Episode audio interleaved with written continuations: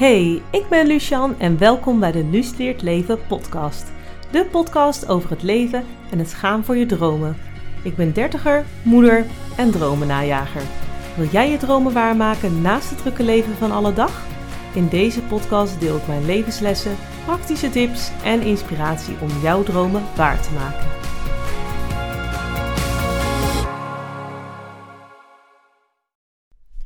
Hey, leuk dat je luistert naar een nieuwe aflevering. En vandaag ga ik delen wat er in mijn vluchttas of vluchtkoffer zat voor de bevalling. Ik heb al een aflevering gemaakt over tips uh, voor de zwangerschap en hoe je je kan voorbereiden op de bevalling. Dat is uh, aflevering 6. En ik heb ook daarnaast mijn uh, bevallingsverhalen al gedeeld. Dat zijn aflevering 8 en 9. Dus mocht je die nog niet geluisterd hebben, dan, dan kun je die nog luisteren. En ik vind het zelf of ik vond het zelf heel fijn om gewoon verschillende verhalen van anderen te horen. Ehm, wat hun tips waren voor de zwangerschap, maar ook voor de bevalling. En ook wat zij in hun vluchttas hebben, uh, hadden zitten. Dus vandaar dat ik ook deze aflevering wilde maken. Dus als je gaat voorbereiden op de bevalling, wat neem je dan mee? Uh, dat is natuurlijk heel persoonlijk, maar wellicht dat dit je wat uh, inspiratie kan geven um, voor jouw vluchttas. En uh, het is natuurlijk persoonlijk wat je fijn vindt. Ik deel gewoon uh, in deze aflevering mijn lijst en uh, ja, ook wat algemene tips. Um, dus mocht je zwanger zijn en je bent je aan het voorbereiden, nou, sla deze aflevering dan op. Dan kun je hem makkelijk terugvinden. Nou, laat ik beginnen met wat algemene tips voor de vluchttas. Want ja, eigenlijk staat die vluchttas die staat gewoon klaar. zodat als je gaat bevallen, dat je gewoon meteen die koffer of die tas kan pakken. En um, ja, dat, je dat, dat je gewoon alles bij de hand hebt. Um, zodat je dat op het moment zelf niet hoeft te doen. Dus mijn eerste tip is ook gewoon: start gewoon op tijd. En dan kun je gewoon gedurende de tijd kun je gewoon dingetjes aanvullen. Als er iets in je hoofd opkomt van hé, hey, ik moet um, nog. Uh, dit heb ik nog toe te voegen. Oh, dan stop je dat in die tas. Oh, nou, dit moet er eigenlijk ook nog in. Nou, stop je dat weer in die tas. En zo gedurende de tijd vul je hem.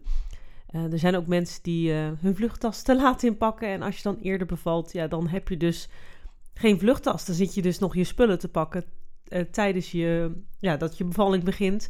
dan gingen mijn bevallingen heel snel. nou, binnen zes uur en binnen drie uur.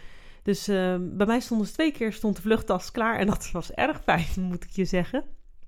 Dus nou, start op tijd. En um, als tas vond ik het zelf fijn om een rolkoffertje te gebruiken. Het is dus geen must om zo'n rolkoffertje te hebben. Maar ik vond het zelf wel praktisch. Ik ben twee keer in het uh, kraamhotel bevallen. En uh, ik had dan de Maxi op de schoot. Terwijl ik me met de rolstoel naar buiten reden. En dan kon um, mijn vriend ook makkelijk het rolkoffertje ook weer meenemen. Die kon dan makkelijk meerollen terwijl hij dan ook de rolstoel vast had. Uh, daarnaast is mijn tip uh, om een outfit te bewaren voor in je koffer. Nou, dat betekent dus wel dat je hem dus niet aan kan. Dus kies iets wat je misschien niet je lievelingsoutfit is voor de zwangerschap. Um, of iets wat, ja, wat gewoon wel comfortabel zit, wat je wel even kan missen. Uh, dat je die in je koffer kan doen. En daarnaast vind ik het voor een vluchtkoffer super handig om samples te hebben. Dus als je van die uh, dozen krijgt tijdens je zwangerschap, of die heb je misschien dan aangevraagd, daar zitten vaak van die kleine samples in, bijvoorbeeld van tepelzalf of van zoogcompressen. Um, die zijn ideaal om in je vluchtkoffer te doen. Uh, dat neemt weinig plek in en dan heb je toch bij het. Je, je weet niet of je natuurlijk het wel of niet nodig hebt.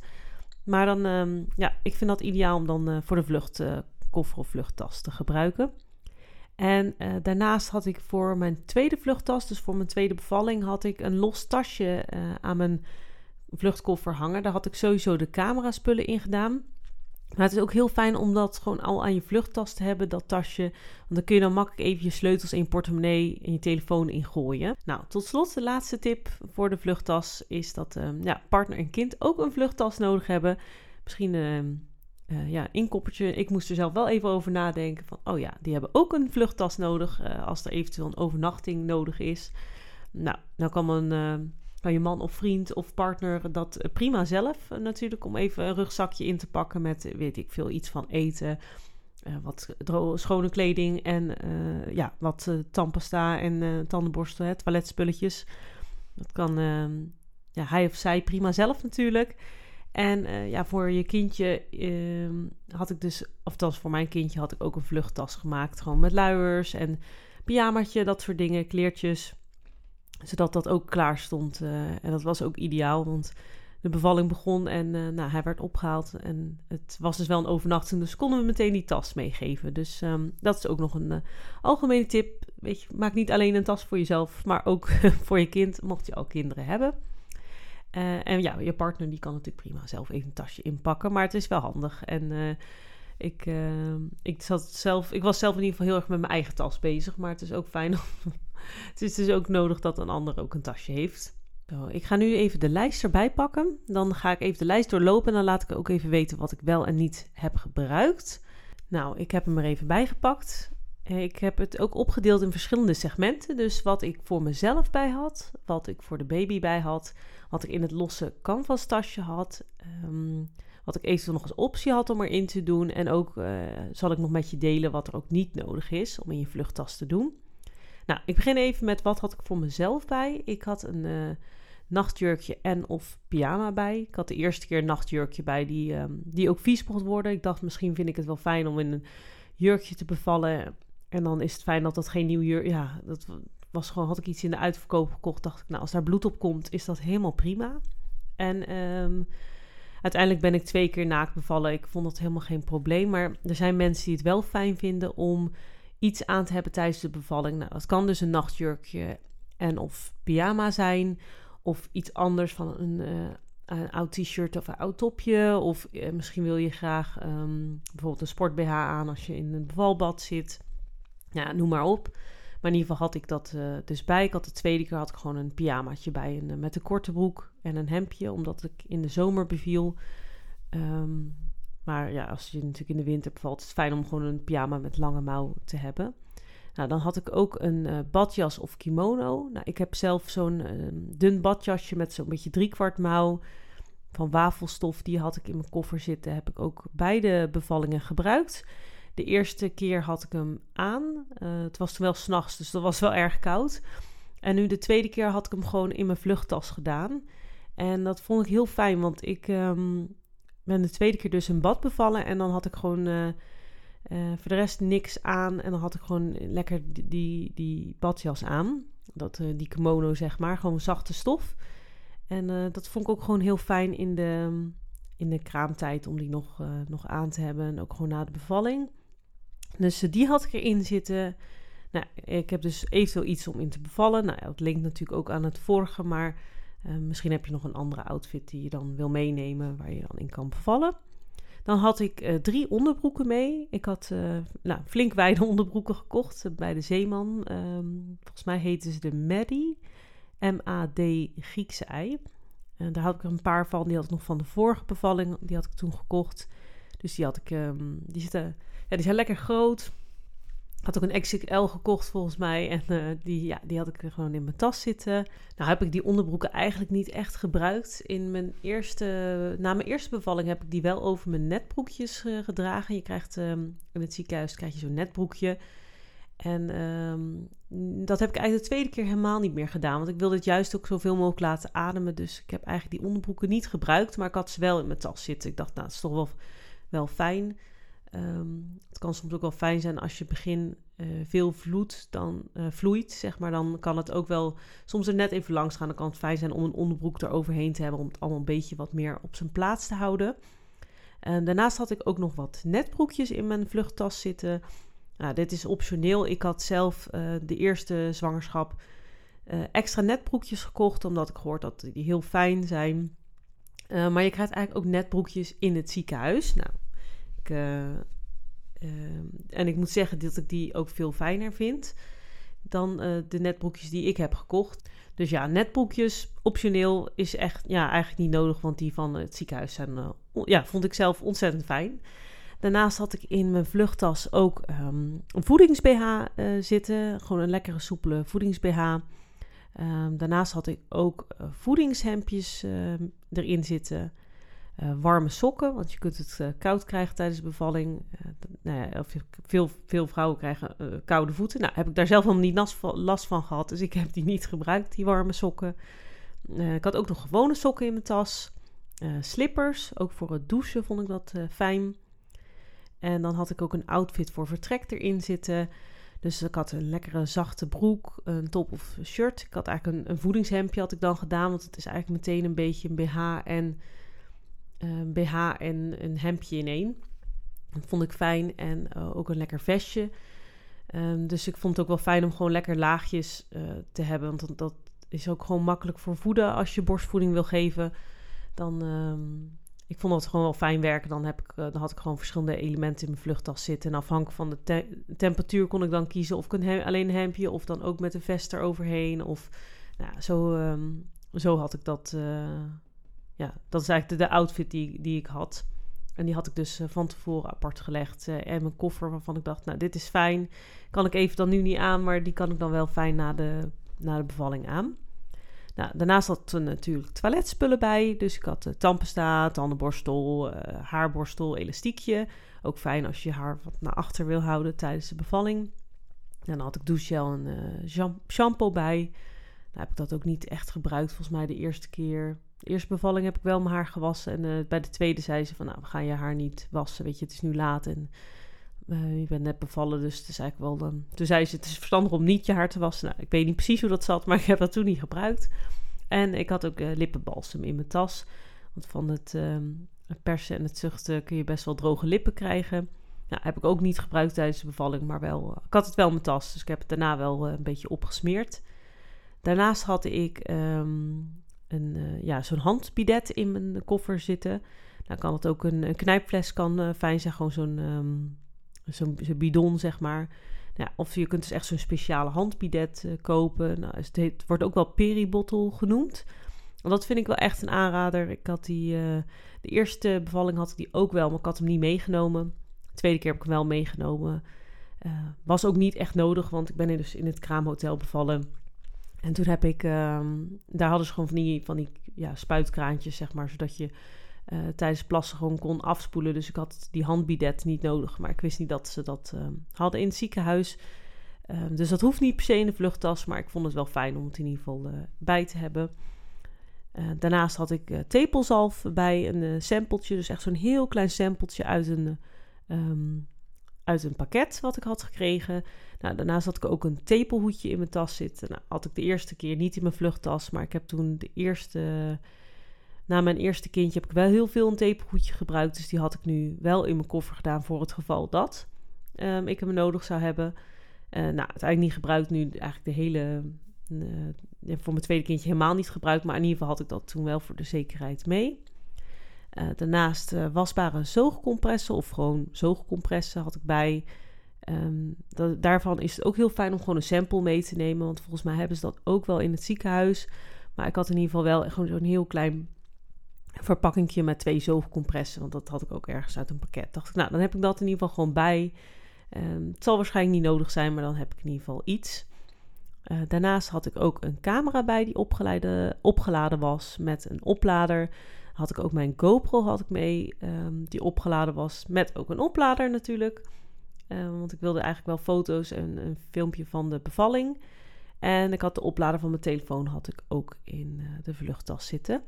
Daarnaast had ik ook uh, wat repen erin zitten. Dat, uh, gewoon van die noten en fruitrepen. Um, zodat als ik honger zou krijgen in het ziekenhuis, of dat nou tijdens de bevalling is of na de bevalling, dan, ja, dan had ik dat in ieder geval, dan kon ik iets eten. En ik had ook het boekje van de kraamzorg in mijn tas zitten. Daar hadden ze ook aangeraden aan mij om die in de tas te doen. Of ja, eigenlijk niet aangeraden. Ze wilden gewoon dat ik die in de tas deed. Nou, daarnaast, uh, dan kom ik nu eigenlijk aan bij wat ik in de, tas had voor de baby. Dus ik had een geboortepakje. Dus een mutsje had ik met een pakje. Um, of je kunt een broekje met shirt doen, maar ik had een, een geheel pakje. Uh, een lange mouwromper had ik mee, een korte mouwromper en sokjes. Ik had dus twee soorten rompers mee, want ik wist niet wat de temperatuur ging zijn. Dacht ik, nou, dan bepalen ze daar maar of het uh, beter is om een lange mouwromper te doen of een korte mouwromper. Um, ik ben namelijk de eer, bij mijn eerste kindje was het heel erg heet. En toen moest hij echt een korte mouwromper aan. Heeft hij zelfs de eerste dagen in een korte mouwromper gelegen. Uh, met een lang pakje wel. Of ja, eerst met een lang pakje, later gewoon echt alleen maar de romper. Dus nou, ik had in ieder geval dus twee rompers uh, erin zitten, kort en lang. Of ja, mouwloos en lang. Uh, daarnaast had ik ook een reservepakje bij. Um, volgens mij één of twee extra reservepakjes. En ik had ook alles in ziploc zakjes gedaan. En ook uh, even met een stift opgeschreven of het het geboortepakje was of een reservepakje. Um, zodat ik in ieder geval genoeg bij had. En dat ook um, ja, de kraamzorg wist wat het geboortepakje was. Dan is dat makkelijk. Dan kunnen ze dat makkelijk pakken. Naast had ik uh, de koordring had ik bij. Um, dat was, ja, in beide gevallen uh, was het nodig dat ik die zelf zou meenemen. Dus die had ik in de vluchttas gedaan. Ik heb ook van iemand de tip gekregen om twee koordringen mee te nemen. Dat als de ene uh, knapt tijdens opzetten, dan hebben ze er nog eentje. Um, want anders gaan ze dus toch zo'n klem gebruiken. Nou, ik denk dat in de toekomst zal waarschijnlijk de koordring de standaard worden. Maar um, um, ja, ik moest hem in beide gevallen wel meenemen. Dus vandaar dat hij in mijn vluchttas zat. Daarnaast een dekentje voor de baby. Uh, dus ik had nu een, uh, een lekker dekentje mee. En ik had de eerste keer had ik ook een dekentje die echt in de maxi cozy zat. Die zat daar gewoon al vast in. Maar daar was het eigenlijk toen veel te warm voor. Maar ik kan me voorstellen, in de winter is het ook wel fijn als je gewoon zo'n dekentje in de maxi cozy hebt liggen. En dan nog een los um, dekentje in je vluchttas. En ik had, uh, we hadden natuurlijk ook de Maxi Cozy gewoon bij ons. Dus ja, dat zit natuurlijk niet in je vluchttas, maar die hadden we wel bij ons. Zodat uh, ja, het kindje dan veilig mee uh, terug naar huis kan. Nou, dan heb ik nog ehm, het losse canvas tasje wat ik aan mijn vluchttas had hangen. Ja, ik had daar dus eigenlijk mijn camera's in gedaan, gewoon puur omdat ze niet meer in mijn vluchttas pasten. nou, dan had ik gewoon mijn telefoon had ik in dat tasje, portemonnee en muntjes voor de rolstoel had ik de eerste bevalling wel nodig, de tweede niet. Nou, afhankelijk van het ziekenhuis waar je gaat bevallen, of het kraamhotel waar je gaat bevallen, heb je wel of geen muntje nodig. Nou, ik zou het voor de zekerheid meenemen. De tweede keer was bij ons dus niet meer nodig. Maar het is wel fijn als je die muntjes lekker bij de hand hebt als het nodig is. Uh, mijn sleutels natuurlijk. En ik had daar ook wat extra repen in gedaan, wat extra eten. Volgens mij heb ik er dit keer, uh, had ik de tweede keer nog even snel een banaan erin gegooid, geloof ik. Dus dan heb je in ieder geval wat te eten bij. En uh, wat ik zelf eventueel fijn vond om mee te nemen, althans dat had ik wel op mijn lijstje staan van wat wil ik meenemen. Nou, heb ik uiteindelijk niet gedaan, was ook niet nodig bij mij. Maar iets van een boek of magazine. Um, ja, afhankelijk hoe snel je bevalling gaat. Maar het kan misschien wel fijn zijn als het heel lang duurt. Of je wordt ingeleid en het duurt wat langer. Um, dat je dan iets te lezen hebt. Um, voor de afleiding misschien. wat ik eventueel ook fijn had gevonden was een koptelefoon en of een muziekboxje om muziek af te spelen. Heb ik dat ook bij mijn beide bevallingen niet gebruikt. Ik had het volgens mij ook niet meegenomen. Maar dat zijn eigenlijk dingetjes waar je nog aan zou kunnen denken. Die misschien fijn zijn om mee te nemen.